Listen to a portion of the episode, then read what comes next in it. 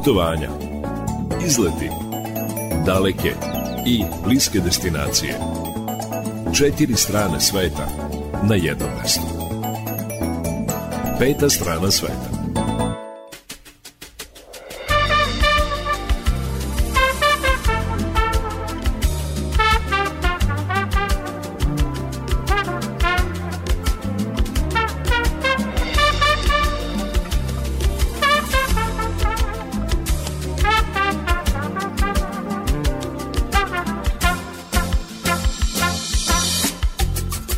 Dobar dan poštovani slušalci, dobrodošli u najnovije izdanje turističkog magazina Peta strana sveta. Ova emisija će biti zaista sadržajna, dakle pregršt tema, pravi magazin. Na početku navikli ste da čujete kako je stanje na putevima, da čujete meteorološki izveštaj, da znate koju garderobu da ponesete ako idete na neki put, a onda potom se nižu teme jedna za drugom. Mi ćemo prvo govoriti o potpisivanju ugovora naše kuće, dakle Radio Televizije Vojvodine, sa pokrajinskim sekretarijatom za privredu i turizam. Potom ćemo govoriti o prodaji karata za novu ski sezonu Ako nameravate da idete na skijanje na naše planine, onda bi možda bilo dobro da sada kupite karte zato što se prodaju po jeftinijim cenama. Detaljno ćemo o tome. Zatim ćemo govoriti o turističkim voucherima, na koji način oni mogu da budu pametnije iskorišćeni, da to više odgovara i ugostiteljima i korisnicima, odnosno ljudima koji mogu da koriste turističke vouchere za dotirani godišnji odmor u našoj zemlji. Postoje i novi predlozi za unapređenje turističke privrede naše zemlje. Udruženje Moja Srbija poslala je predlog vladi da razmotri uvođenje novih vouchera za kupovinu proizvoda malih proizvođača u Srbiji i o tome ćemo detaljno. Dobra vest je da je posle 13 godina britanska aviokompanija British Airways uspostavila letove na liniji London-Beograd i to će nam biti jedna od tema. Zatim govorit ćemo o radu turističke organizacije Novog Sada. Zašto? Pa zato što ta kuća ovih dana proslavlja 15 godina rada i tim povodom novosađenima i njihovim gostima nudi besplatne turističke ture. Saznaćete kada i kako možete da se prijavite ukoliko želite da razgledate Novi Sad ko je u trci za prestižno priznanje turistički cvet kada je reč o turističkim institucijama, kućama u Sremu i o tome ćemo govoriti, a bit će reči i o novinama na Zlatiboru. Tamo treba da bude izgrađen aerodrom, što će svakako uticati na bolju turističku ponudu i na veću posjećenost te naše najsunčanije planine. To su otprilike teme kojima ćemo se baviti. Na samom kraju, znate, tu su i vesti iz sveta turizma. Emisija traje pa gotovo dva sata. Dakle, do 18 časova sa vama će biti muzički urednik Srđan Nikolić, majstor tona Aleksandar Sivč, Ja sam Irina Samopjan i volim da kažem na početku emisije, neka ovo naše putovanje počne.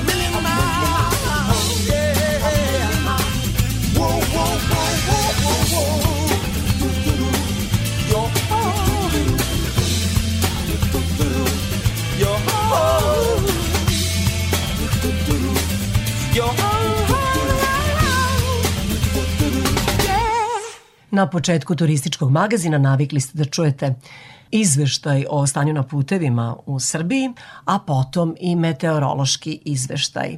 Krenimo redom. Izveštaj iz Automoto Saveza Srbije. Pozdrav iz operativnog centra Automoto Saveza Srbije. Zbog pojačanog vetra u Košavskom području i na planinama, kao i opasnosti koju on za vreme vožnje donosi, potrebno je vožnju prilagoditi, a brzinu dodatno smanjiti preko mostova, na putevima pored reka, duž kanala i preko planinskih prevoja. U popodnevnim satima pojačan saobraćaj može dodatno usporavati vožnju na onim mestima gde se izvode radovi. A kako saznajemo od javnog preduzeća Putevi Srbije, produžava se do 15. novembra obustava saobraćaja zbog radova između Kučeva i Petrovca na Mlavi na deonici Melnica-Kučajna. Alternativni putni pravac za tranzit je preko Salakovca i Žagubice, a za putnička vozila preko Rabrova. Produžavaju se i radovi na rekonstrukciji mosta preko Južne Morave, u pitanju je Sarajevski most na deonici Oraovica-Predejan. Za vreme izvođenja radova obustavljen je saobraćaj od Sarajevskog mosta do kružnog toka u Oraovici i koriste se alternativni putni pravci. I dalje je na snazi obustava saobraćaja zbog izvođenja radova u zoni nadvožnjaka u Staroj Pazovi na deonici Golubinci-Stara Pazova. Do kraja novembra alternativni putni pravac je preko Inđije i mesta Putinci a produženo je izvođenje radova i na deonici Rumenka-Novi Sad. Radovi će se izvoditi do početka decembra. Na petlji Mali Požarevac zbog radova na rehabilitaciji nadvožnjaka u periodu od 8 do 16 časova saobraćaj se u oba smera odvija preticajnom trakom na nadvožnjaku, vozila se propuštaju neizmenično a podsjećamo da je na snazi obustava saobraćaja i na putu Beče i Temerin, sada na deonici od raskrsnice za nadalj do ulaza u Temerin. Alternativni putni pravac je preko Turije, Srbobrana i Siriga. Na delu autoputa između petlje Jagodina i petlje Pojate u oba smera izvode se radovi na montaži i saobraćene signalizacije na elastičnim odbojnim ogradama uz desne ivice kolovoza. Tokom izvođenja radova u vremenu od 8 do 15 časova za saobraćaj se zatvara zaustavna traka i izlivno-ulivne kolovozne trake. Prema podacima koje smo dobili od Uprave granične policije, trenutno nema zadržavanja na putničkim terminalima, dok se na teretnim vozila zadržavaju duže ka Mađarskoj i ka Hrvatskoj. A ukoliko vam zatreba pomoć na putu ili savjet iz oblasti saobraćaja, naš operativni centar vam je uvek na raspolaganju. Iz Automoto Saveza Srbije javlja se Nevena Damjanović, a vozačima želimo srećen put. Vremenska prognoza za putnike. A sada ćemo ovoga petka, prvog petka u novembru, pravog jesenjeg dana, poželeti dobar dan Miodragu Stojanoviću, našem meteorologu. Miodraže, dobar dan. Dobar dan, Irina. Ovoga vikenda je kupusijada u Futogu, čvarak fest u Kaću, a meteorolozi najavljuju kišne kapi. Pa evo vi nam recite kakvo će vreme biti do kraja dana i za vikend. A do kraja dana već imamo na oblačenje lagano, ima to i kiše i po neki pljuskić. Vetar je još uvek jak južni i istočni, ali će on skrenuti polako na zapadni i jugozapadni i oslabit će danas do kraja dana. Temperatura do 20 stepeni. To nam odgovara, a sutra i prek sutra hoće li biti kiše? Sutra promenljivo oblačno. Moguće je slaba kratkotrajna kiša uz slab umeren vetar zapadnih smerova, temperatura jutarnja ovako malo hladnije od 8 do 10, a najviše dnevno od 15 do 18 stepeni. Znači sutra još uh, nema problema za te ove, manifestacije na polju. Ali u nedelju ponovo imamo lošije vreme, ponovo će biti vetrovito, duvaće jak vetar, uh, ima od podneva pa nadalje imamo ponovo na oblačenje sa kišom, pljuskovim i grmelinom ali će na sreću malo i vetar oslabiti, mada mislim da za ove manifestacije na polju da nije baš neka prognoza. Hm, da, e, pa eto, vidjet ćemo da li će organizatori odlagati te manifestacije, mada čisto sumnjam, teško je to ponovo sve organizovati. Tako je. A u svakom slučaju manja je poseta kada je ružno vreme. Hoćemo li sa kišom ući i u novu radnu sedmicu? Pa imat ćemo recimo ponedeljak će biti u redu što se tiče vremena, nešto malo svežije uz razgledavanje, ali u utorak i sve ponovo promenjivo obraće, ponovo kiša i onda sve tako u narednih, ne znam, desetak dana, stalno promenjivo vreme, stalno mešavina sunce i kiša možemo samo da konstatujemo jesen, prava jesen na delu. Otprilike baš tako. E, Miodraže, e, hvala vam na ovim informacijama. Ja ću vam samo za kraj reći, pošto znam da volite Istanbul, bili ste tamo i fascinirani ste tim gradom, za koji mnogi kažu da je centar sveta, jer su se mnogi putevi tu ukrštali, ukrštaju se i danas. E, evo najnovije informacije, turisti koji žele da uđu u Aja Sofiju morat će da plaćaju ulazak od januara naredne godine, tačnije od 15. januara i to je saopštio turski ministar kulture Mehmet Nuri Ersoy. E, kaže, za turske državljanje koji dolaze u džamiju u verske svrhe ulazak ostaje besplatan. E sad, da li će moći Možemo turisti... Možemo samo da se, da se, da se, da se maskiramo pa da uđemo kao, kao vernici. E, eto tako. to sam i ja mislila, da na taj način uđemo u Aja Sofiju, međutim, on je dodao da Turci koji dolaze na bogosluženje ulazit će na jedan ulaz, a turisti na drugi. E sad... Pa dobro, možemo i tu da se stavimo. I vidjet ćemo mi kako će to u praksi izgledati. Tako ja sam je. namerno iznala ovaj podatak sad dok ste vi sa nama, jer vi ste e, u našoj rubrici, u emisiji Peta strana sveta u rubrici ljudi koji putuju govorili vaše impresije o Istanbulu i rado se sećamo tog razgovora. Hvala vam na tome. Irina, morat ću ponovno da posetim Istanbul, makar ne išao u ASOP, ima tamo dosta drugo da se vidi. Možda neće biti skupa ulaznica, jer stvarno greota je otići da, u Istanbul, a ne obići Aja Sofiju, toliko je lepa. A yes. bila je jel, hram pravoslavni pa je pretvorena u džamiju, pa evo sad da, opet da, da, džamija da. i tako dalje. Znamo celu tu priču. Tako je. Miodraže, hvala vam najlepše što ste naš meteorolog svakog petka. Hvala, Irina. I sad za kraj razgovora November Rain. Prava pesme, slažete li se? O, pa da, pa da. Sve najbolje. Pozdrav.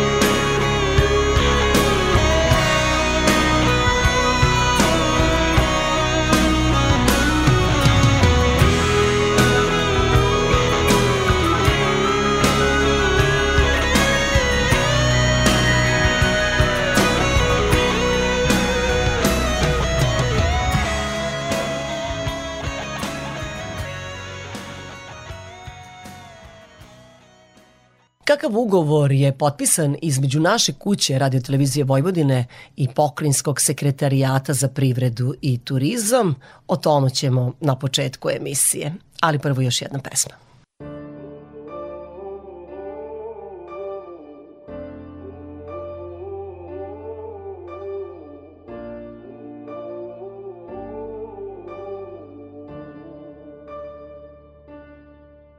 I'm focused I've been watching for the omens.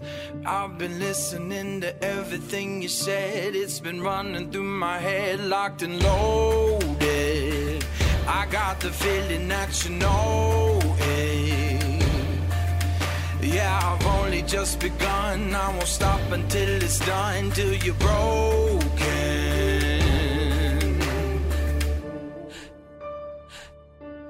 So welcome to the fire.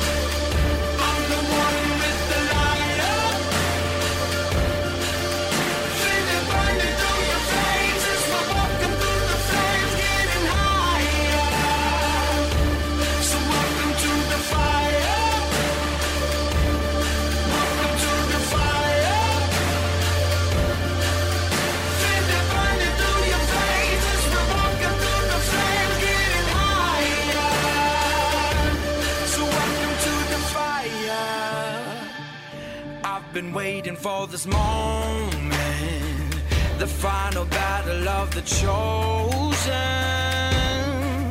See, I'm never gonna quit, got my legacy set in motion. So, welcome to the fire.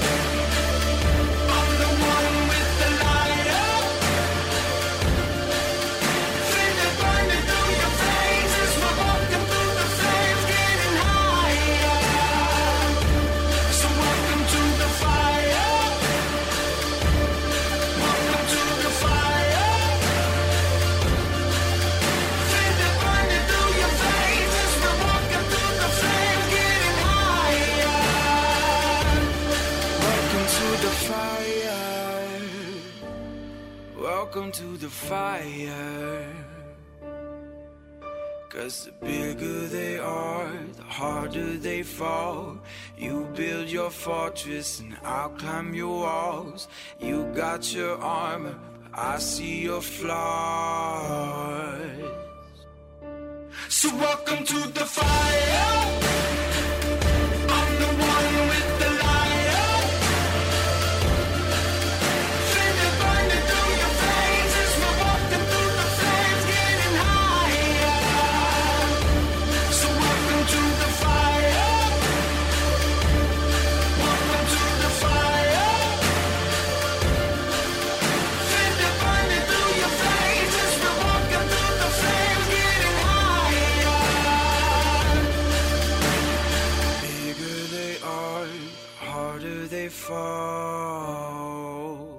Pokrinjski sekretarijat za privredu i turizam i radio televizija Vojvodine sklopili su sporazum o saradnji koji se odnosi na predstavljanje brenda najbolje iz Vojvodine, ali i na druge vidove saradnje.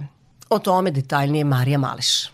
Sporazum su potpisali pokrajinski sekretar za privredu i turizam Nenad Ivanišević i generalni direktor RTV-a Goran Karadžić.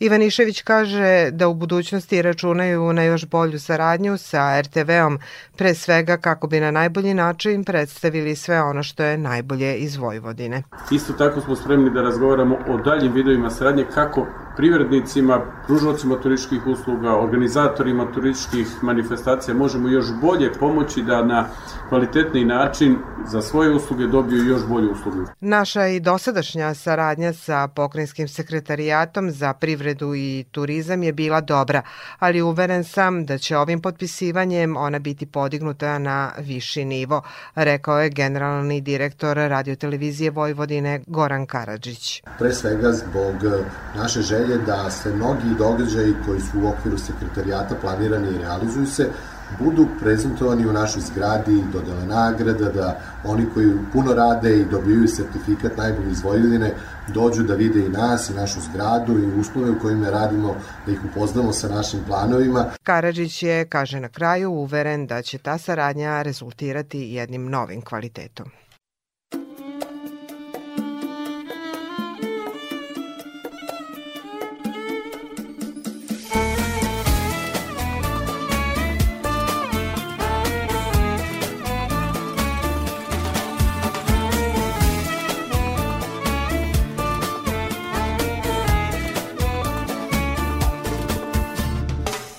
Banat Srem i Bačku s Ruške gore Gledam tako, a u duši lom. Tu je nekad, kažu knjige, bilo more Čekalo me, pa presušilo. Rođeni sam more plovac ko Magellan Ili još bolje ko Admiral Cook. U ravnici usred njiva gubim elan Nasukani žitni morski vuk Mog mora nema i ne znam šta da radim. Moj stari kaže da ni Dunav nije loš. Mog mora nema, ali ja živim u nadi. Pa možda ipak negdje svešćemo se još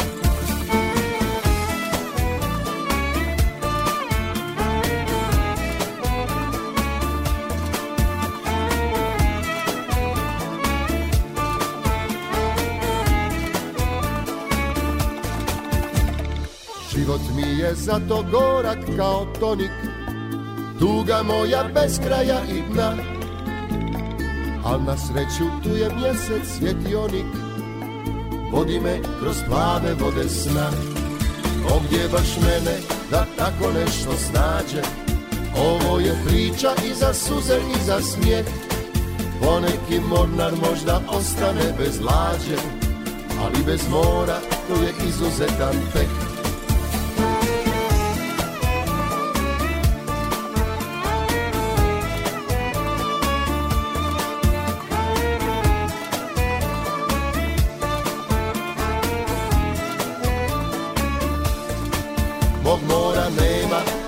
znam šta da radim.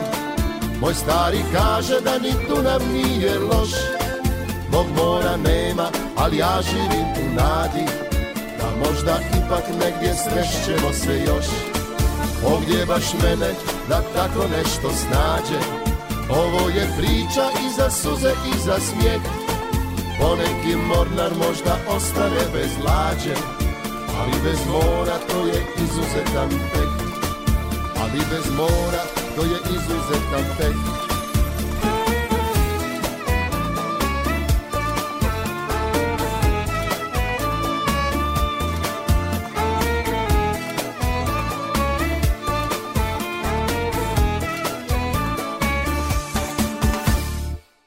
Turistički magazin na Radio Novog Sada. Peta strana sveta.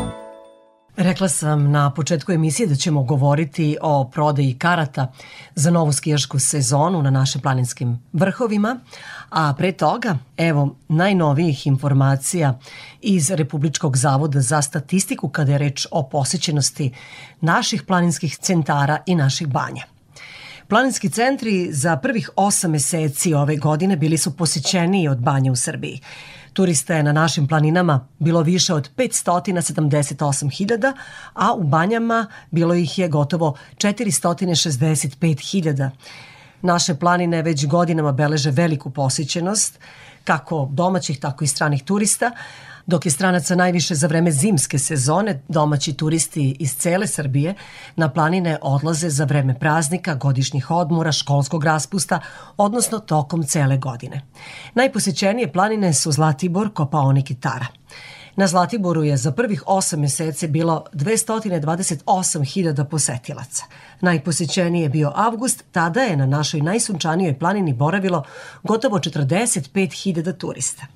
U istom periodu na planini Kopaonik bilo je dvostruko manje posetilaca, ali ipak se ta planina izdvaja kao druga najposećenija planinska destinacija od početka godine. Od januara do avgusta Kopaonik je posetilo gotovo 109.000 turista, a Taru koja je na trećem mestu po posećenosti 50.000. Budite uz turistički magazin Radio Novog Sada, uskoro ćete čuti sve što je potrebno da znate o popustima ukoliko želite da kupite karte za novu ski sezonu u našoj zemlji.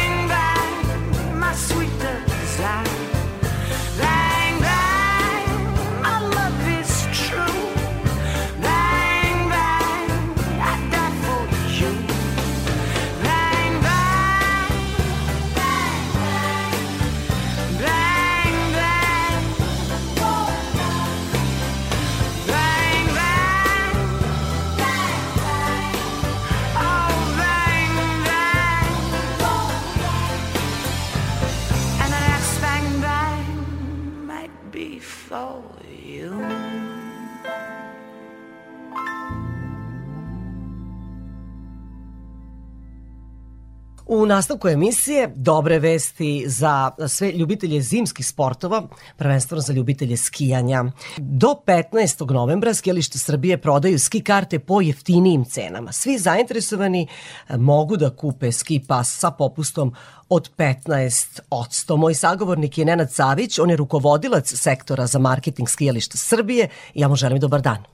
Dobar dan. Evo, ovo je, kažem, dobra vest, e, pa zanima me hoće li biti još promotivnog perioda i koliko se u ovom prvom promotivnom periodu javi ljubitelja zimskih sportova, skijanja i naših planinskih vrhova. Tako je, e, e, od, od srede 1. novembra smo počeli sa, sa prvim predprodajnim periodom preko naše web prodavnice i sad već možemo kažemo da je jako veliko interesovanje. Inače je ovaj godinama unazad ovaj taj predprodajni period veoma popularan i, i jako puno naših ovaj ljubitelja skijanja i planina se jave u tom periodu ovaj i sve više je kako da kažem blisko ljudima da da da da da, da ovaj obavljaju te kupovine iz iz svoje sobe odnosno web kupovine. Ovaj u ovom periodu od 1. do 15. novembra mi omogućavamo 15% popusta što je ujedno i najveći praktično popust koji može da se ostvari u tokom tokom godine. E, jako je udobno, znači e, u smislu da, da, da kupovina, kupovinom preko web shopa svi korisnici dobijaju mailom jednu potvrdu o, o, o kupljenoj karti sa QR kodom i onda i u centrima, a i, i, i u Beogradu ovaj, postoje te mašine koje se zovu pick-up boksovi, dakle ono, prinošenjem tog papira sa QR kodom ovaj, izlaze gotove karte i stvarno pojednostavljuje ovaj, kupovinu i, i onako veoma je udobno, a kažem pre svega ovaj, 15% je tako, jedan, jedan lep popust koji, koji je omogućen svim skijašima. Da nakon 15. novembra sledi drugi promotivni period, takođe će sa popustom moći da kupe svi vaši posetioci ski karte, ali on će biti nešto manji.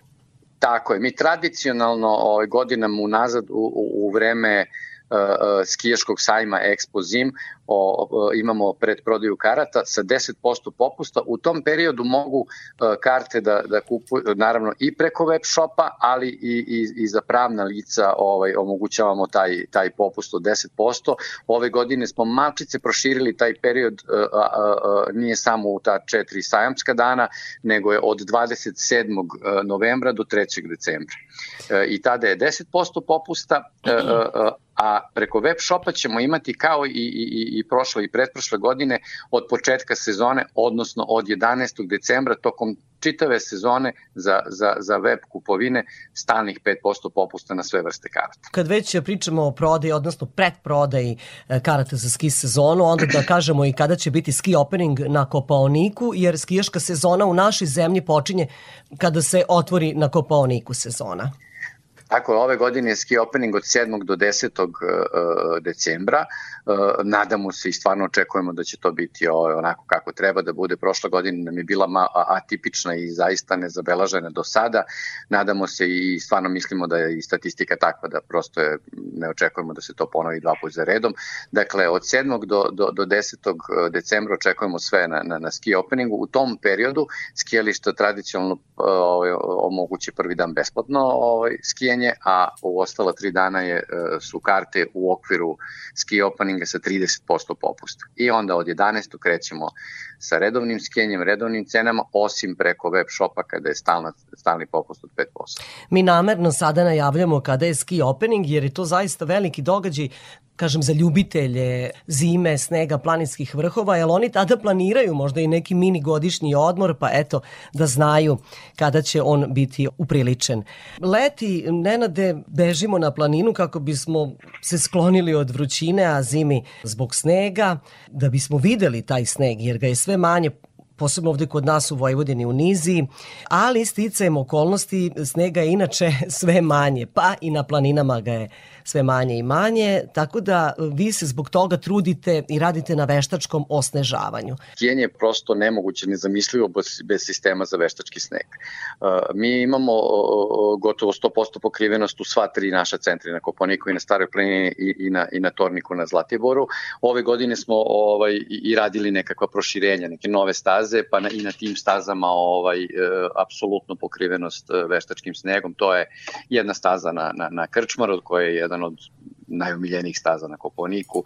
Zatim e, e, prošle, pretprošle godine smo pustili u rad novu gondolu koja pokriva najdužu e, stazu na Koponiku sa najvećom visinskom razlikom, pa je tu urađena još jedna staza Bela reka 3 i takođe veštačko snežavanje i ono što je bitno, a što ste me pitali, dakle veštački sneg je prosto neophodan da bismo, da bismo imali e, e obezbeđeno sigurno skijanje e, i nama Naravno, E, taj sistem nije sve moguć, e, što je pokazala prošla godina. Znači, za, za, za, za rad veštačkog, sistema za veštačko osnežavanje su potrebni neki meteorološki uslovi, odnosno potrebna nam je određena temperatura. A to je, temperatura Bože treba da bude maksimalno minus 3 uz određenu vlažnost vazduha i onda sistemi ovaj, mogu da rade onako kako treba i u punom kapacitetu.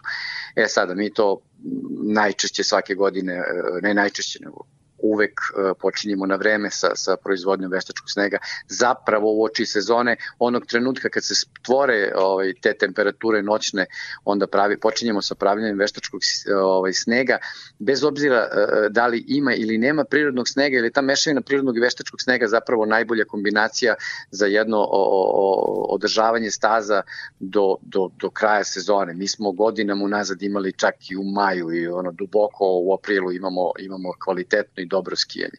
Dakle, kad se napravi ta prva ploča koja je dobro utabana i kvalitetno ovaj, uh, uređena, a, a naše stručne službe su zaista ovaj, odlične u sva tri ski centra i to rade perfektno, onda imamo o, kvalitetno skijanje i bezbedno i, i mogućnost skijanja, kažem, do aprila pa čak i do maja. E, vidjet ćemo kakva će ova ski sezona biti, ona je dakle pred nama, a slušalci Radio Novog Sada, turističkog magazina Peta strana sveta, čuli su sada u ovom našem razgovoru, dakle do 15. novembra skilište Srbije prodaju ski karte po jeftinijim cenama, odnosno 15% jeftinije, ali karte morate kupiti preko web shopa tog preduzeća. Nenade, hvala vam što ste govorili za Radio Novi Sad. Hvala vama. Moj sagovornik bio je Nenad Savić, rukovodilac sektora za marketing skijališta Srbije.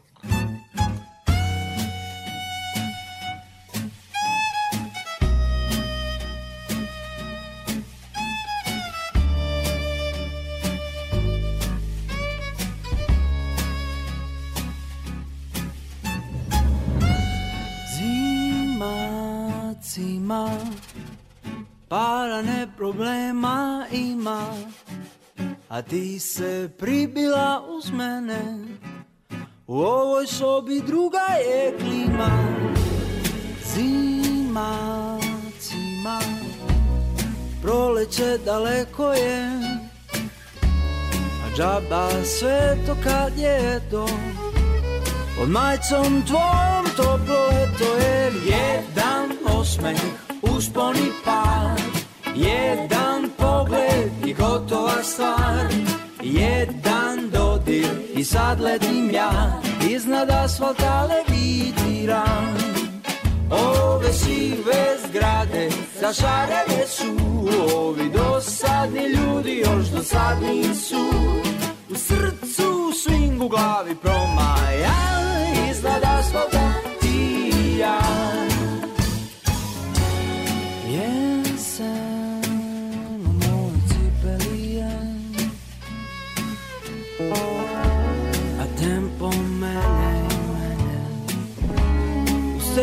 sve cool, sve je zima, zima. Para ne problema ima Al džaba sve to kad je to Pod majcom tvojom toplo leto je. Jedan osmeh, uspon i pad Jedan pogled i gotova stvar Jedan dodir i sad letim ja Iznad asfalta levitiram. Ove sive zgrade zašarene su Ovi dosadni ljudi još dosadni su. U srcu swing u glavi promaja Iznad asfalta i ja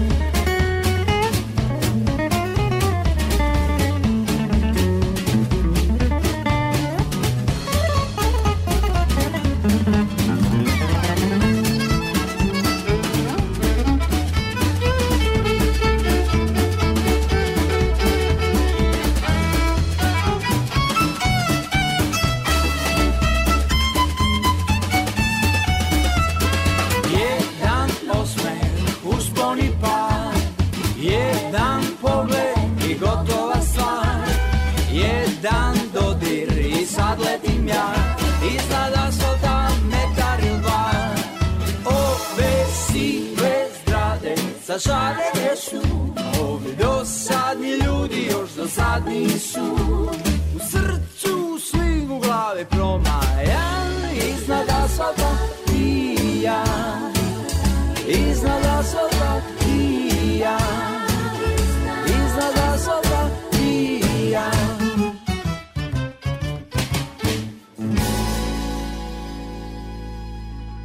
Ako ostanete uz Radio Novi Sad, čućete koje predloge Udruženje Moja Srbija uputilo vladi Republike Srbije kada je reč o podeli turističkih vaučera ili vaučera za dotirani godišnji odmor u Srbiji. Dakle, oni su smislili način kako bi ti vaučeri bili bolje upotrebljeni, a takođe su uputili i još jedan predlog za podelu vaučera za kupovinu domaćih proizvoda malih proizvođača iz Srbije.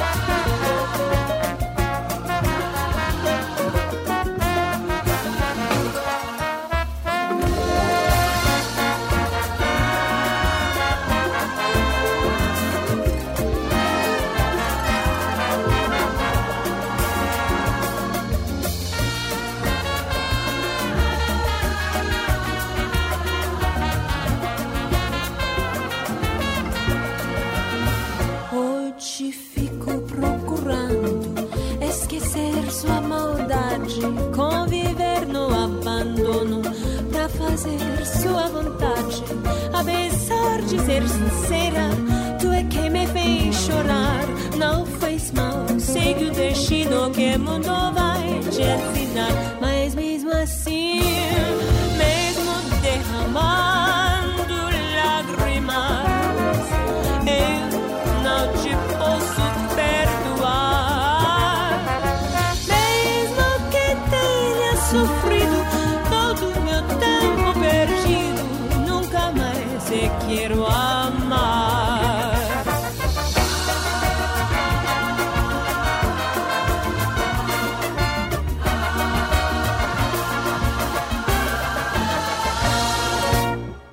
Ukoliko pratite vesti iz sveta turizma, posebno vi koji koristite vaučere vlade Republike Srbije, onda će za vas biti značajno ono što radi udruženje Moja Srbija. Godinama se trudi da taj prvi kontingent vouchera koji vlada Republike Srbije opredeljuje za građane naše zemlje da bude veći, da bude više vouchera i trudi se e, da izdejstvuje i neke druge stvari. Pa Udruženje Moja Srbije uputilo je e, poziv vladi Republike Srbije da razmotri mogućnost pokretanja akcije podele vouchera za kupovinu domaćih proizvoda malih proizvođača iz Srbije.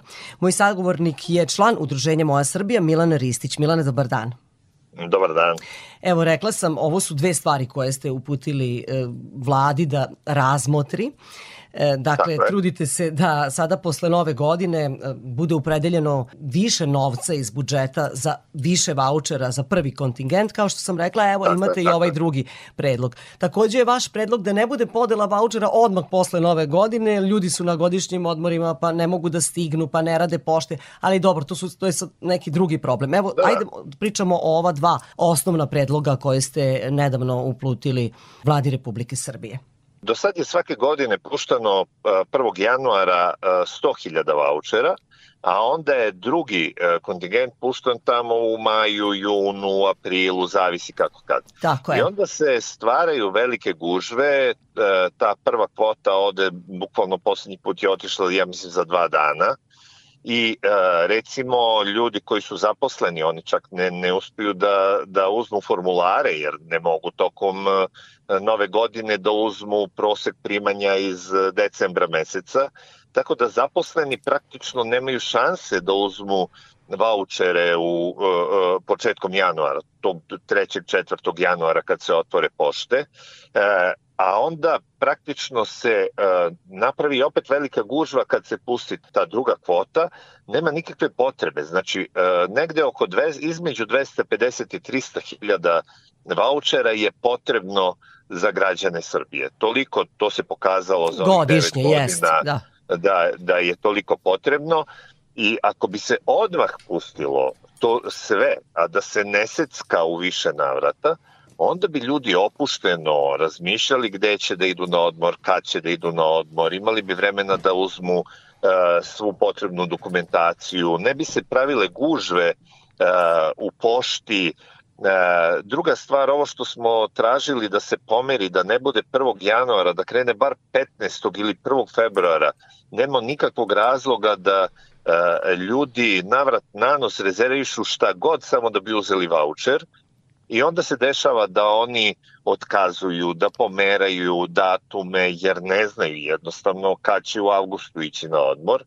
A, mnogo bi značilo ako bi se to pomerilo da to bude od 1. februara, znači tokom celog januara bi ljudi mogli da razmišljaju, da planiraju, da dogovore kad će ići i gde će ići, pa tek onda da uzmu voucher. Ovako, e, jedan dobar deo vouchera ostane neiskorišćen, Tako je. E, a E. drugo, ugostiteljima se pravi veliki problem, jer znate kako, kad im pomerate datume, oni imaju rezervisano, nije to uopšte lako. A drugo, zašto bi oni e, time se bavili tokom novogodišnjih praznika i tokom božićnih praznika? Potpuno nepotrebno. Znači, voucheri se u februaru vrlo, vrlo malo troše. Znači, većinom je to tamo od aprila pa nadalje. S proleća, da kad dođe lepše kreće, vreme. Da kreće akcija 1. januara, mnogo bi značilo ako bi se pomerilo na 15. januar ili 1. februar i da se pusti sve odjednom. Drugo, bitno bi bilo da se sad podigne na 10.000 jer 5.000 zaista sad više nema neku vrednost, e, sve cene su drastično otišle gore i značilo bi da se podigne ta vrednost na 10.000.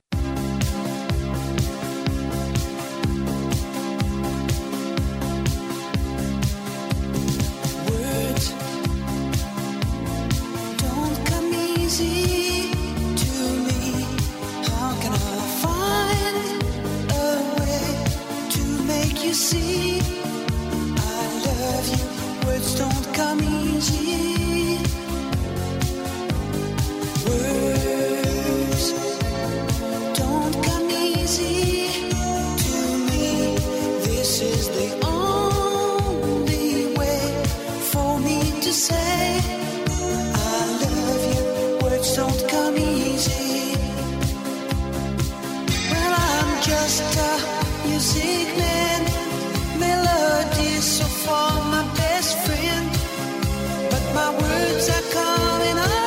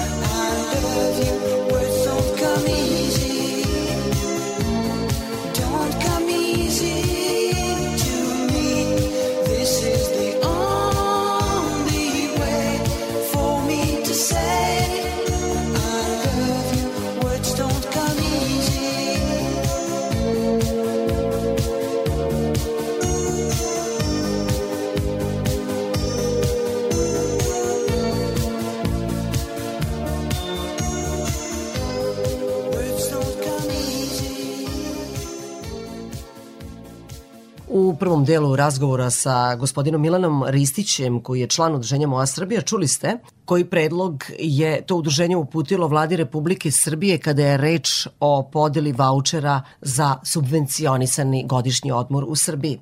A to udruženje uputilo je još jedan predlog vladi Republike Srbije, dakle predlog koji bi vlada trebalo da uzme u razmatranje. Reč je o pokretanju akcije podele vaučera za kupovinu domaćih proizvoda malih proizvođača iz Srbije. Gospodin Ristić objašnjava kako bi se to našoj zemlji u turističkom pogledu isplatilo. Pa znate kako, mi već imamo 9 godina iskustva sa voucherima za turizam. Na isti taj način bi se praktično organizovala i ova prodaja. Mi imamo a, veliki broj e, komercijalnih registrovanih e, poljoprivrednih gazdinstava danas koji proizvode domaći džem, domaći ajvar, e, med, e, suhomesnate proizvode i tako dalje i e, e, koji to prodaju. Međutim, e, opet nije to tržište toliko razvijeno, e, ti proizvodi su naravno ovako sad kad se prodaju i malo skuplji, e, malo je tih proizvođača. Otprilike je situacija kao što je 2015. godine bilo u domaćem turizmu. Kad je 2015. godine prvi put organizovana podela vouchera, na listu ugostitelja koji e, primaju vouchere iz cele Srbije se javilo svega 120 ljudi. Danas ih ima oko 5000. E sad zamislite ako bi se pustili voucheri za e, domaće proizvode. Znači sada bi u, u startu na toj listi bilo vrlo malo ljudi. Mi nemamo mnogo tih proizvođača. Za nekoliko godina a, ogroman broj ljudi na, po selima bi krenuo time da se bavi. Ljudi, ljudi su željni domaćeg ukusa. E, mi smo u kontaktu sa ljudima iz inostranstva. E, Danas e, vi imate e, e, recimo uslugu koja se zove post-eksport, gde vrlo, vrlo povoljno možete iz sela pored Jagodine da pošaljete e, e, paket sa domaćim ajvarom u Toronto da stigne čoveku na kućni prag I to ne košta puno, zaista ne košta puno. E, to bi verovatno uticalo i na brendiranje nekih naših proizvoda. Mislim da bi i u tom pogledu naravno. turistički nama koristilo, da. Pa naravno, naravno. I onda bi došlo i do toga da ljudi kad idu negde na odmor, da uz put i kupe domaće proizvode, znači da ne bude samo uh, odlazak, uh, kako, kako da vam kažem, nekad je to bilo, ode se u banju, spava se tamo 7 dana i vratite se kući. Znači, bitno je da se tome da neki sadržaj, a veliki sadržaj bi se dobio i tim što bi se povećao broj poljoprivrednih gazdinstava koja proizvode domaće proizvode, kvalitetne domaće proizvode i koji to prodaju.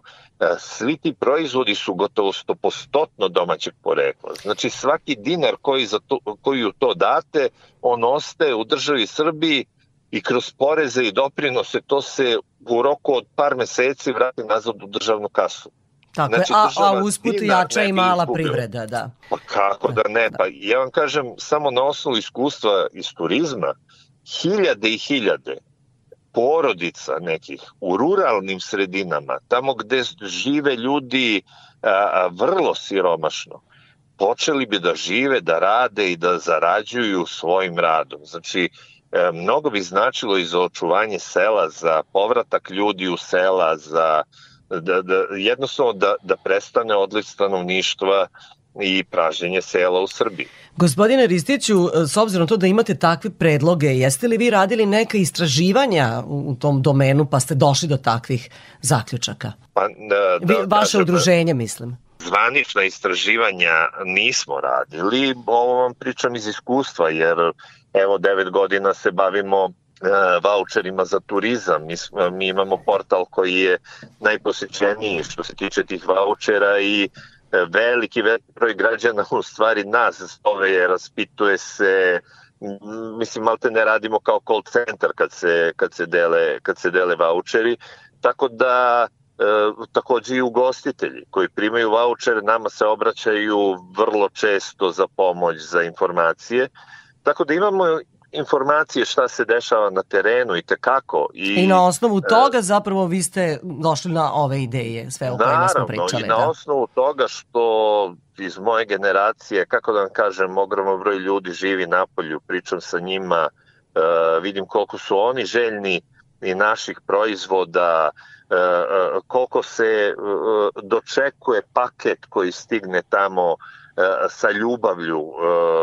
Vi imate, recimo, imate u inostranstvu, prodaju se proizvodi sa Balkana, oni čak imaju svoj brend koji se zove No Name. A, znači, ljudi su željni toga. Ovo kad bi se pokrenulo, a, više bismo se bazirali na, na našu, na domaću srpsku privredu i naša država bi imala veliki, veliki podsticaj time i kažem, e, sad s jedne strane pričamo o voucherima za domaće proizvode našim ljudima, našim građanima koji žive ovde, ali bi to podstaklo sigurno i e, naše građane u inostranstvu da krenu to da kupuju. Da. Kao što vam se sad povećao broj naših ljudi koji dolaze i putuju po Srbiji nakon što se dele voucheri ljudima u Srbiji. Shvatate? Da, shvatam, shvatam. E, meni se to čini kao dobri predlozi svi ovi o kojima smo pričali i evo poslednje pitanje, kada očekujete uh, odgovor iz vlade Republike Srbije, dakle na sve ove vaše predloge i kada je reč o voucherima za subvencionisani godišnji odmor u zemlji i kada je reč o podeli vouchera za kupovinu domaćih proizvoda malih proizvođača iz Srbije? Kako da vam kažem, s obzirom da, evo, sad se raspisuju izbori, pitanje, znači može da se desi da to bude vrlo brzo, a može da se desi da bude tek tamo sledeće godine u Aha, neko doba. Posle, posle, da, da, izbora, da, da, da. E pa dobro, vidjet, vidjet ćemo. Sve da. je moguće. Dobro, vidjet ćemo. Evo ništa, slušalci Radio Novog Sada su informisani, pa i oni su čuli, e, tako da verujem da se i njima dopadaju ovi predlozi. Sve najbolje, hvala, Milane, hvala, i hvala vam. Podršci. Hvala vam što ste govorili za turistički magazin Radio Novog Sada. Hvala i vama. Moj sagovornik bio je član udruženja Moja Srbija, Milan Ristić. Ostanite uz naš radio.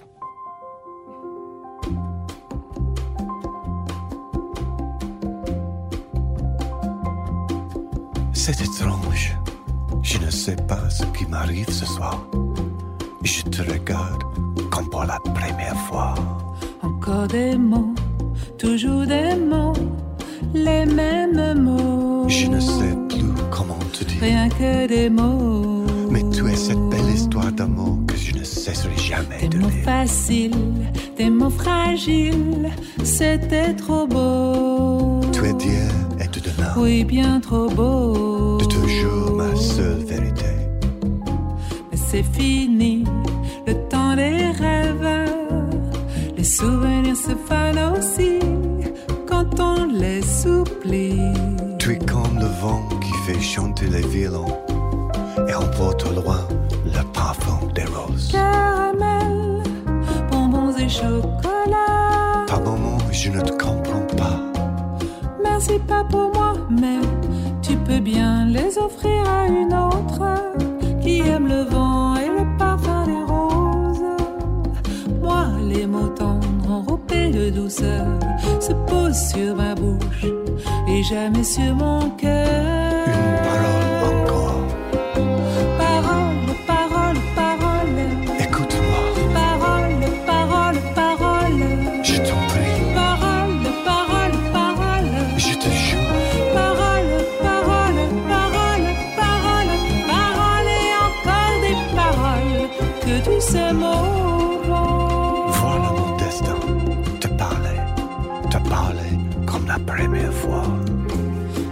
Des mots, toujours des mots, les mêmes mots. Comme j'aimerais que tu me comprennes, Rien que des mots, que tu m'écoutes au moins une fois. des mots magiques, des mots tactiques qui sonnent faux. Tu es mon rêve défendu, Oui, tellement faux. mon seul tourment et mon unique espérance. Rien ne t'arrête quand tu commences. Si tu savais comme j'ai envie d'un peu de silence. Tu es pour moi la seule musique qui fait danser les étoiles sur les dunes. Caramel, bonbons et chocolat. Si tu n'existais pas déjà, je t'inventerais.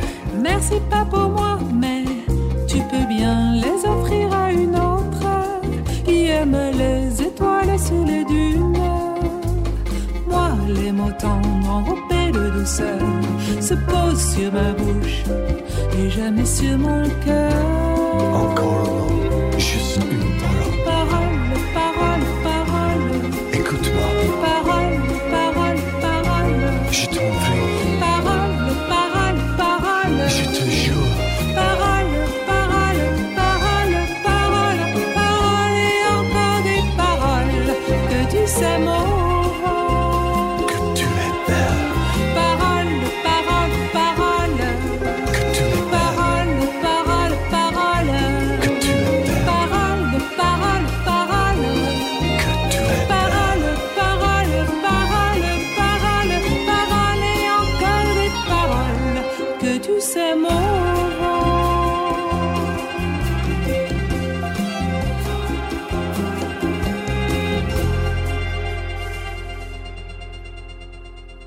Slušate turistički magazin Radio Novog Sada. Naša tema će uskoro biti ponovno uspostavljanje letova na liniji London-Beograd. Fly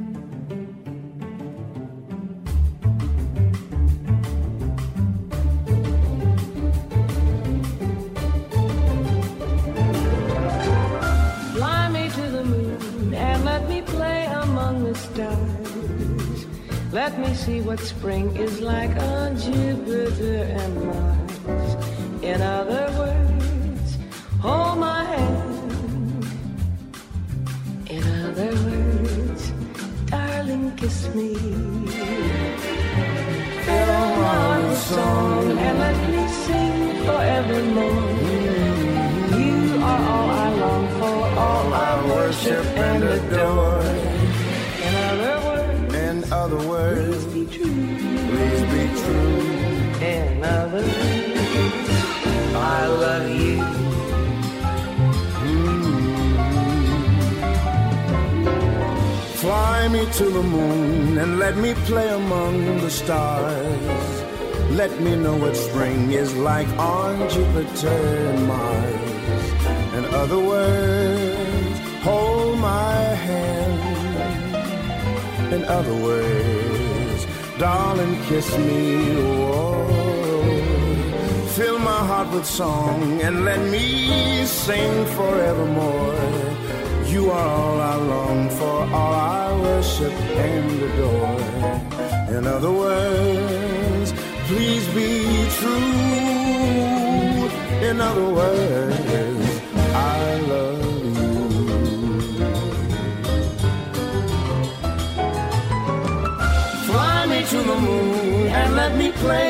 among the stars. Let me see what spring is like on Jupiter and Mars. In other words, In other words, hold my hand. hold my hand.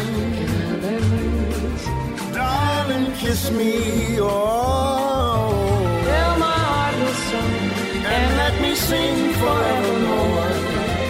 You are all I long for, all I worship and adore. In other words, In other words, please be true. please be true. In other words, I love you. Oh, I love you. And oh, I love Britanska aviokompanija British Airways posle 13 godina uspostavila je ponovo letove na liniji London-Beograd. Letovi između te dve prestonice sada saobraćaju tri puta sedmično, utorkom, petkom i nedeljom. Zamenik ambasadorke Ujedinjenog kraljevstva u Srbiji Dominik Otvij rekao je da je to fantastična vest i simbolički veoma jaka poruka. Nadam se da će sve ove veze pojačati dvosmerne kontakte Srbije i Britanije, doprineti da se u budućnosti još bolje poznajemo, više razumemo i sarađujemo. Znamo da ljudi iz naše dve države žele da putuju i posećuju se. Čak i pre nego što je British Airways ponovo uveo ove letove, oko 70 hiljada ljudi je letalo na ovoj destinaciji tokom prvih pet meseci ove godine.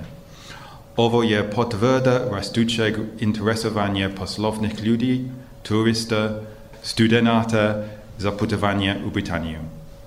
Sa stanovišta putnika, povratak British Airwaysa je dodatna opcija pri planiranju putovanja i još jedna jaka veza Srbija sa aerodromom London Heathrow, koji je najveći hub u Evropi. Izvršni direktor za komercijalne poslove aerodroma Nikola Tesla Miodrag Mirković rekao je da su letovi za London sa Beogradskog aerodroma među najtraženijim. Dolazak British Airwaysa za nas e, znači prvenstveno kao e, potvrda da, e, i da kažem izazov da ćemo morati da budemo dobar domaćin i da ćemo pružiti dobar kvalitet usluge koji će biti prepoznat i od putnika i od aviokompanije i da će putnici i celo tržište prepoznati potencijal Beogradskog aerodroma i British Airwaysa kao kompanije koja će prevoziti kako putnike iz Beograda, tako i iz regiona i ne samo za London i Veliku Britaniju, nego očekujemo i veliki broj putnika koji će i nastavljati dalje sa londonskom aerodroma Heathrow kao ostalim destinacijama British Airwaysa. Zamenik ambasadorke Velike Britanije u Srbiji Dominik Otvej najavio je i novu saradnju između dva aerodroma. Dobre vesti se na ovome ne završavaju.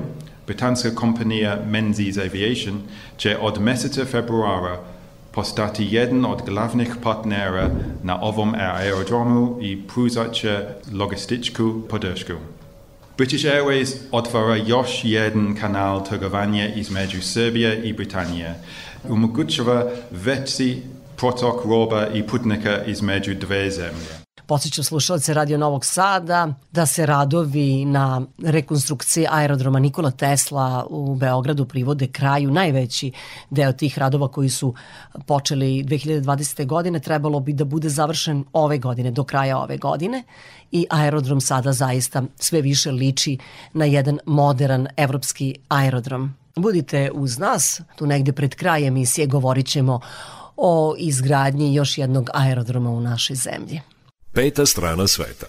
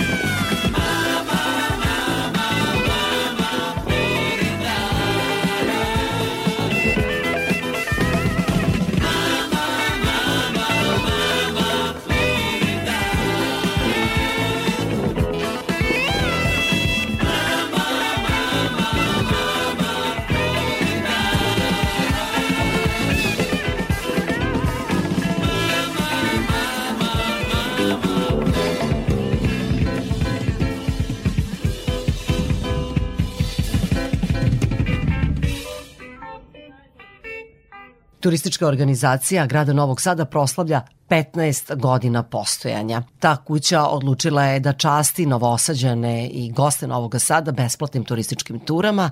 Čućete šta one podrazumevaju.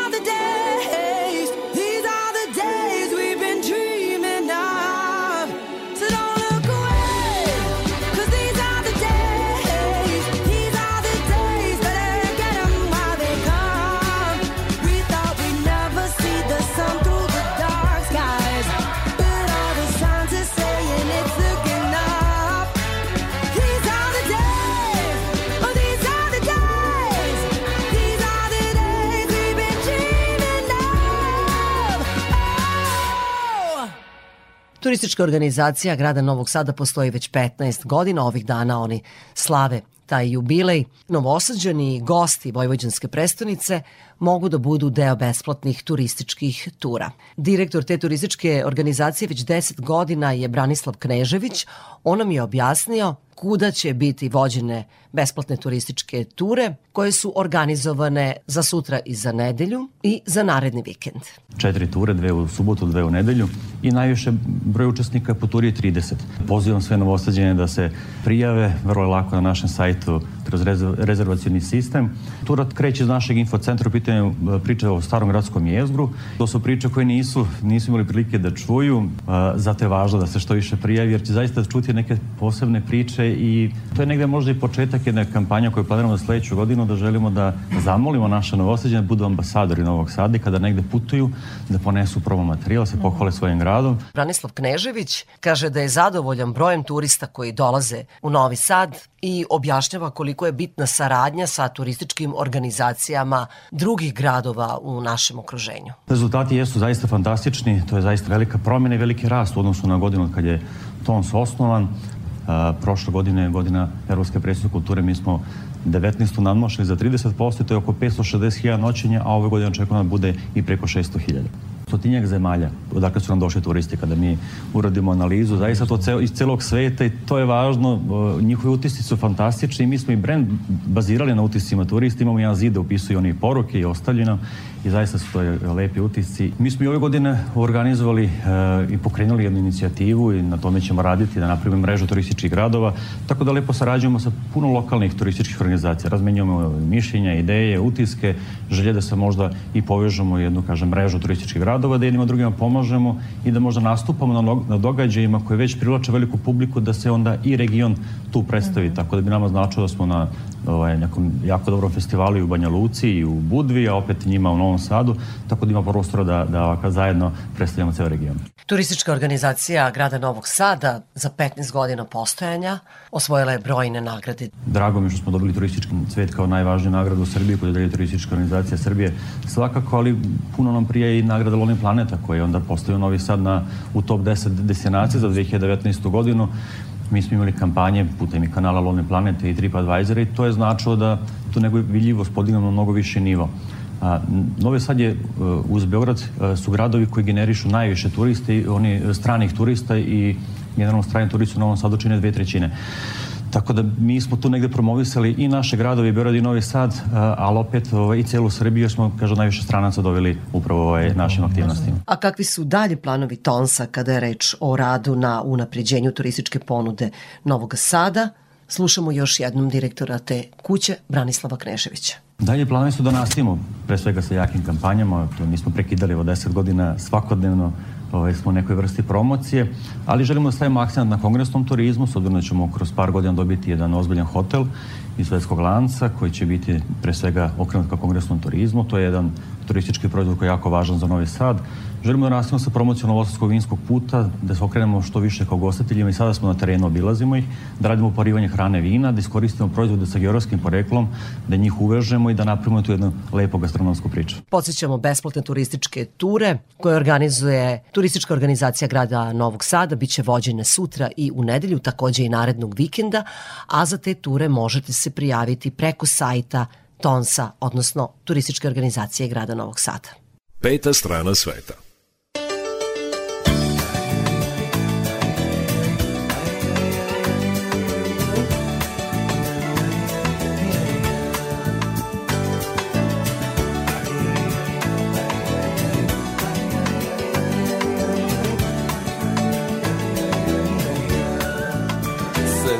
Se slike ja od pre par godina na slici Proleće i sunčan dan. Bašti mirisa cvetovi Irisa šarena Hartija i tija Sećam se slike ja prejedno Mesec dva na slici Septembarski vreo dan Na reku uzdaha sunce se ne vraća zelena obala i tija. Godine prolaze nervoznim korakom Godine prolaze mi stojimo. Jesmo li sretni, jesmo pametni? Godine prolaze mi gledamo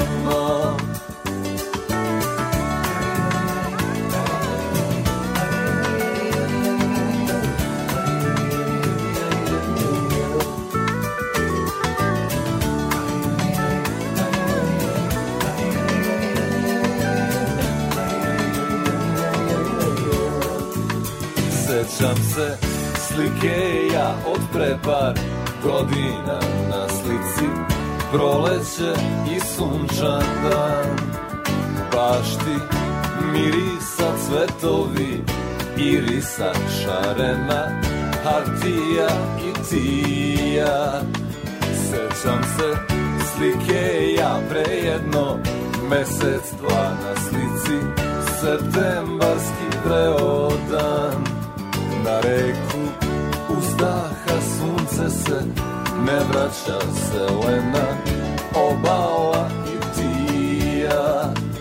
Godine prolaze nervoznim korakom Godine prolaze mi stojimo Jesmo li sretni, jesmo pametni?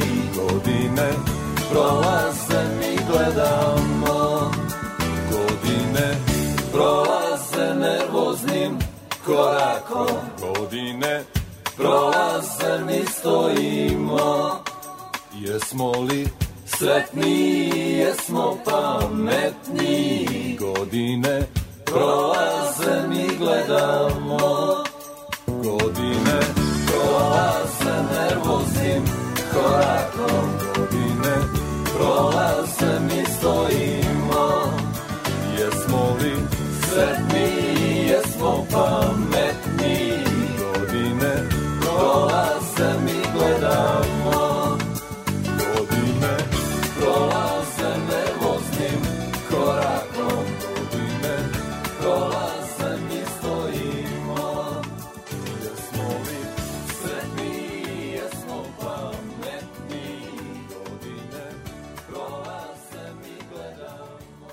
Kakvih novina ima na Zlatiboru kada je reč o unapređenju turističke ponude, uskoro ćemo govoriti o tome.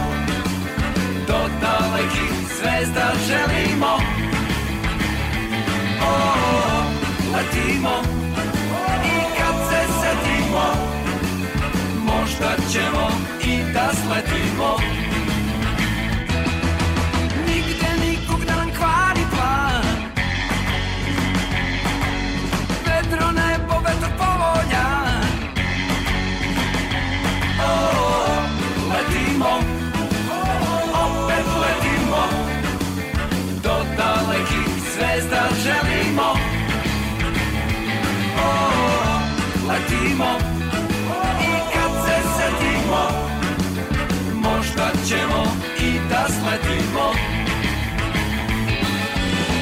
Wapa, wapa, parara, pevamo u glas. Wapa, wapa,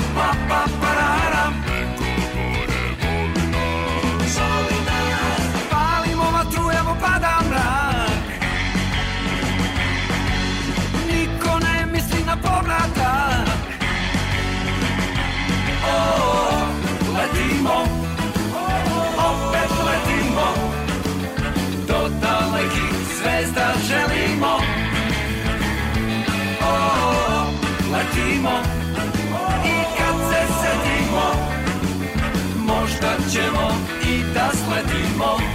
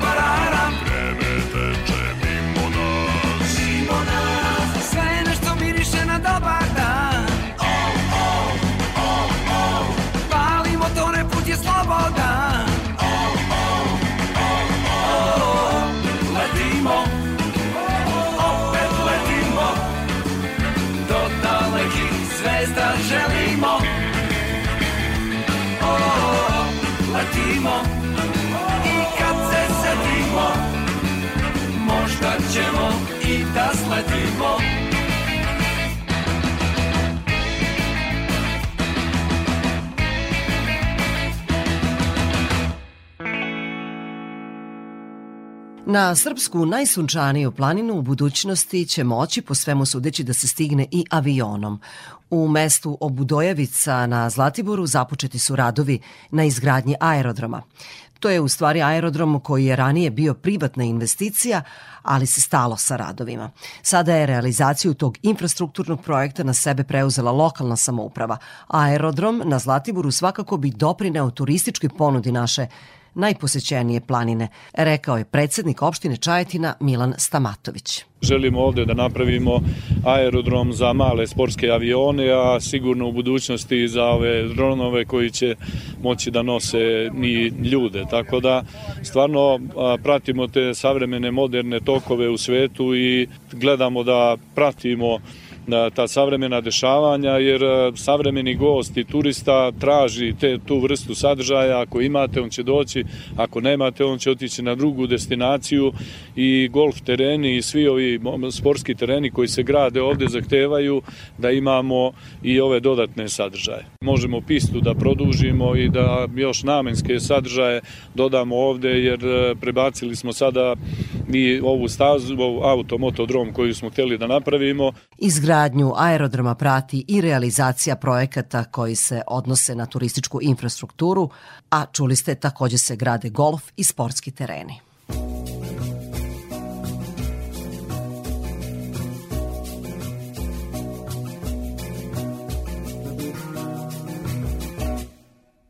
Say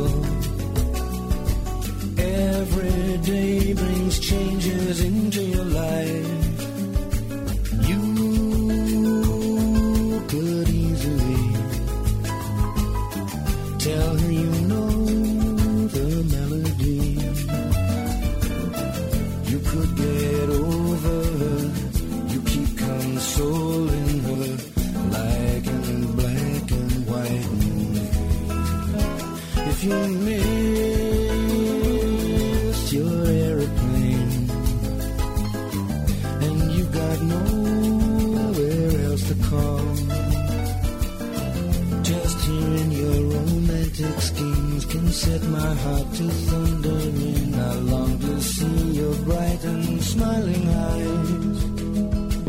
Famous stars are sparkling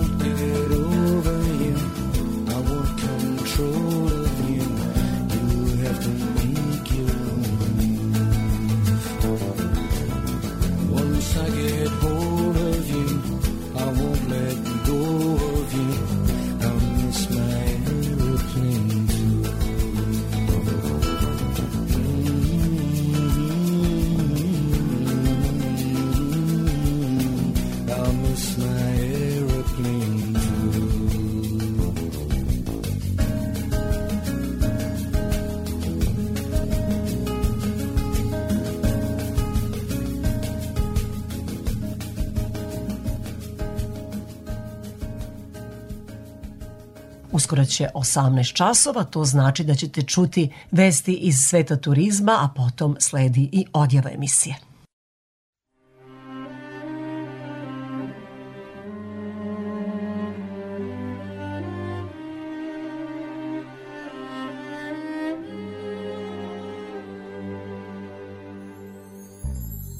Come è amaro sentirti parlare, non ti sai contenere e ogni volta è una freccia nel cuore che non mi fa respirare, ma il silenzio dà solo rancore e fa ancora più male, ti tormenta e ti fa disperare. E allora tanto vale. Quante piccole bugie ci avvelenano la vita, ognuno tiene dentro sé la sua anima segreta, le tue ragioni con le mie si riflettono su un vetro e cerco un modo per tornare indietro. Amore mio, stringimi le mani, potrei morire a star così lontani. Vorrei che mi dicessi che non ti sei già resa, mi basta il tuo sorriso per incominciare.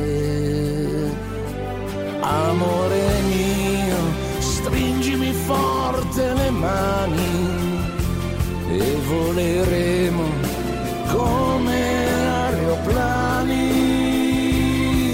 verso l'alto più su, dove il cielo sei tu, oltre le nuvole.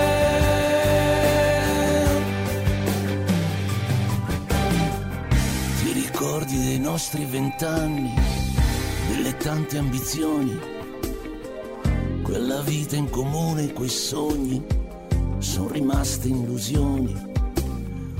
Ma quell'immagine di noi, come un chiodo nella mente, sempre nitida però, ogni volta più distante, non esiste che è finita, non accetto un'altra vita, sei solo tu la via d'uscita.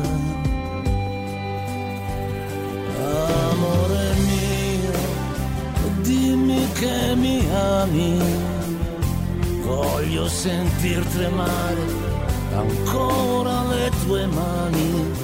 Raggiungeremo il mare come la prima volta e fermeremo il tempo per ricominciare. Amore, amore mio, apri le tue ali e voleremo come verso l'alto più su, dove il cielo sei tu, oltre le nuvole.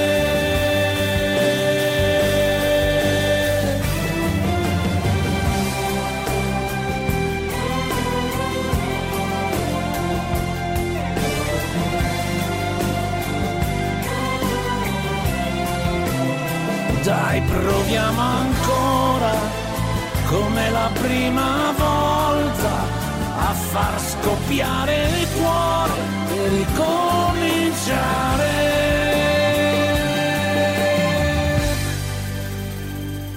Amore mio, stringimi forte le mani.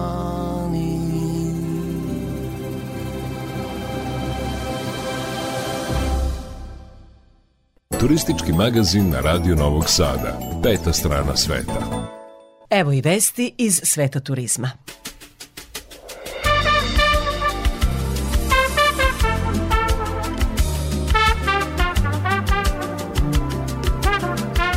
Turistička agencija Barcino Tours od pre nekoliko dana je u blokadi i to zbog duga nešto većeg od milion evra.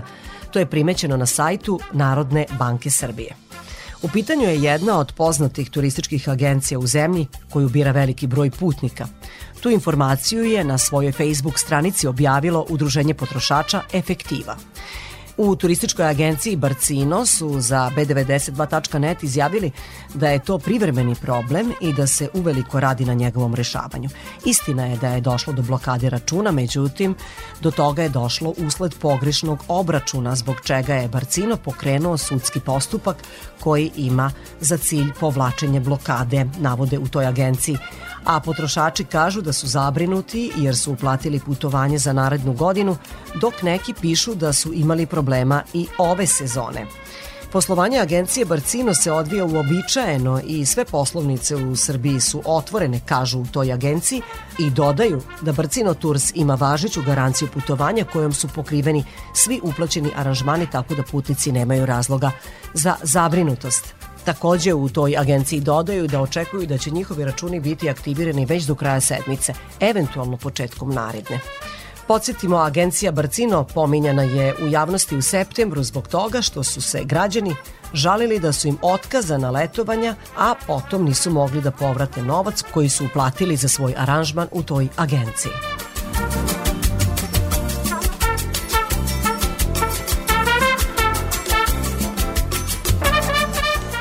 Izvor naredne vesti je B92. Britanski izdavač specijalizovan za putovanje i turizam Lonely Planet ove godine puni 50 godina, a njegova lista Best in Travel 2024 najbolje za putovanja 2024. proširena je na pet kategorija. Najbolje zemlje, najbolje regije, najbolji gradovi, održiva turistička odredišta i lokacije s najboljom vrednošću. Na prvom mestu našla se Mongolija, koju je Lonely Planet izabrao zbog njenih prostranstava, avanturističkih aktivnosti i bogate kulinarske i muzičke kulture. To je najređe naseljena zemlja na svetu, a mongolska vlada je spremna da to počne da menja. Zato je olakšan ulazak međunarodnim putnicima u zemlju, a poboljšana je i infrastruktura.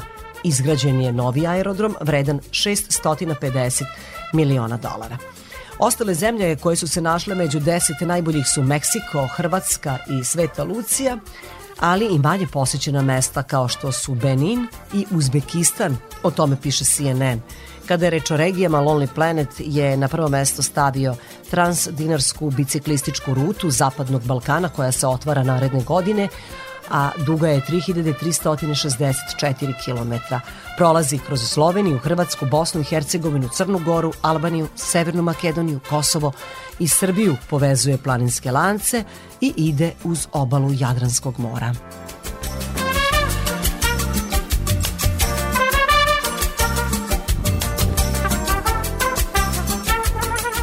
Navodimo i koji su to najbolji gradovi za posetu u narednoj godini prema mišljenju Lonely Planeta. Na prvom mestu to je Nairobi, zatim slede Pariz, Montreal, Mostar, Filadelfija, Manaus, Džakarta, Prag, Izmir i deseto mesto pripalo je Kansas City.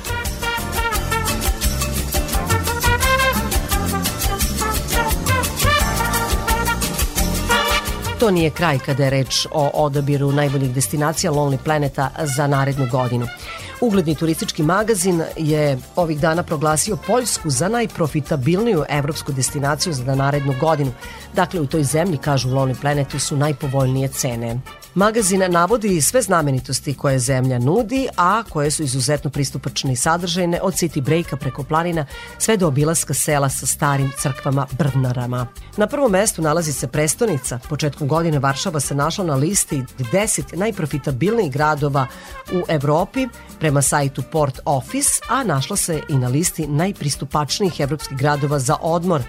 Varšava ima bogatu istoriju i obnovljene istorijske četvrti koje su pod zaštitom UNESCO.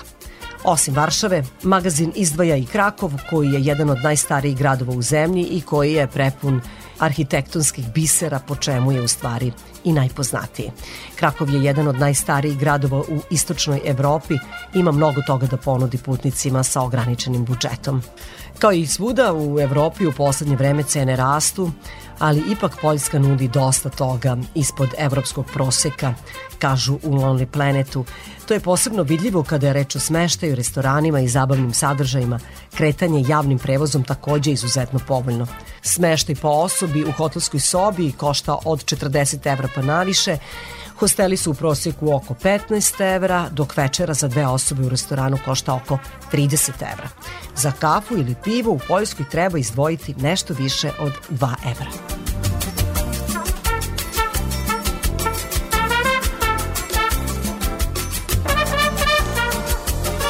Bilo je to sve poštovani slušalci što smo vam pripremili u ovom izdanju turističkog magazina Peta strana sveta. U 18 časova na našem programu su najnovije vesti, a potom i naša najstarija muzička emisija Randevu sa muzikom. Petkom je uvek uređuje Nikola Glavinić.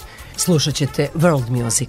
Sa vama su ovoga petka u turističkom magazinu bili muzički urednik Srđan Nikolić, majstor tona Aleksandar Sivč, ja sam Irina Samopjan i želim vam srećan put. Adio, adio, querida, no quiero la vida, me la amargaste tú. Adio, Adiós, querida, no quiero la vida, me la amargaste tú. Tu madre cuando te parió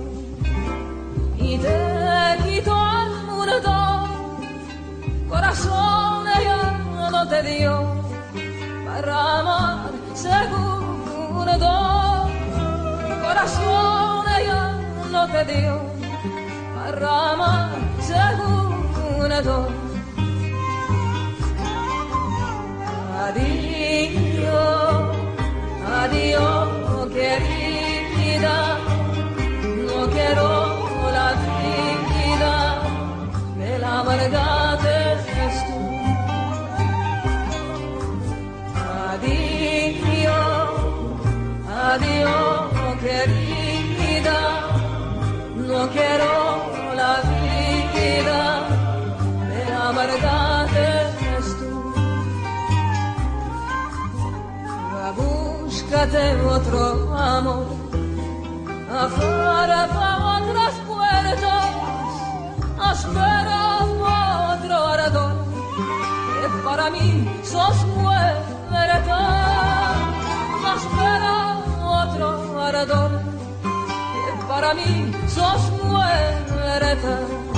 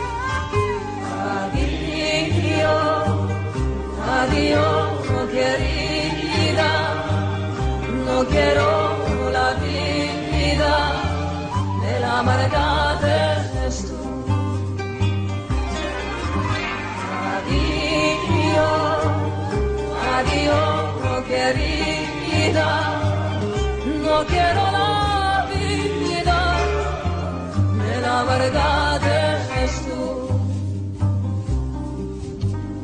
Adiós, adiós, querida, no quiero la vida.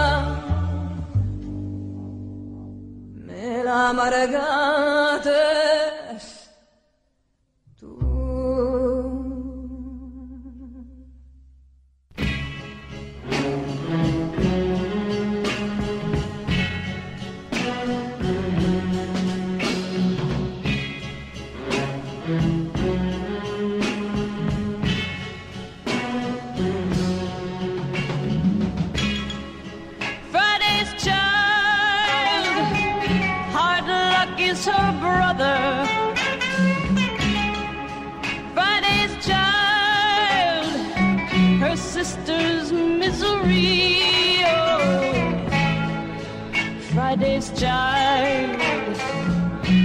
daddy they call hard times.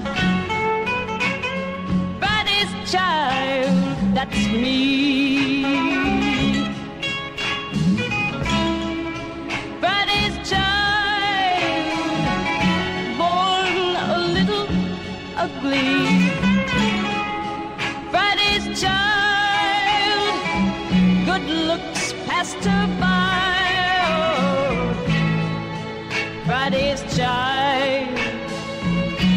Something look like nothing. Friday's child am I.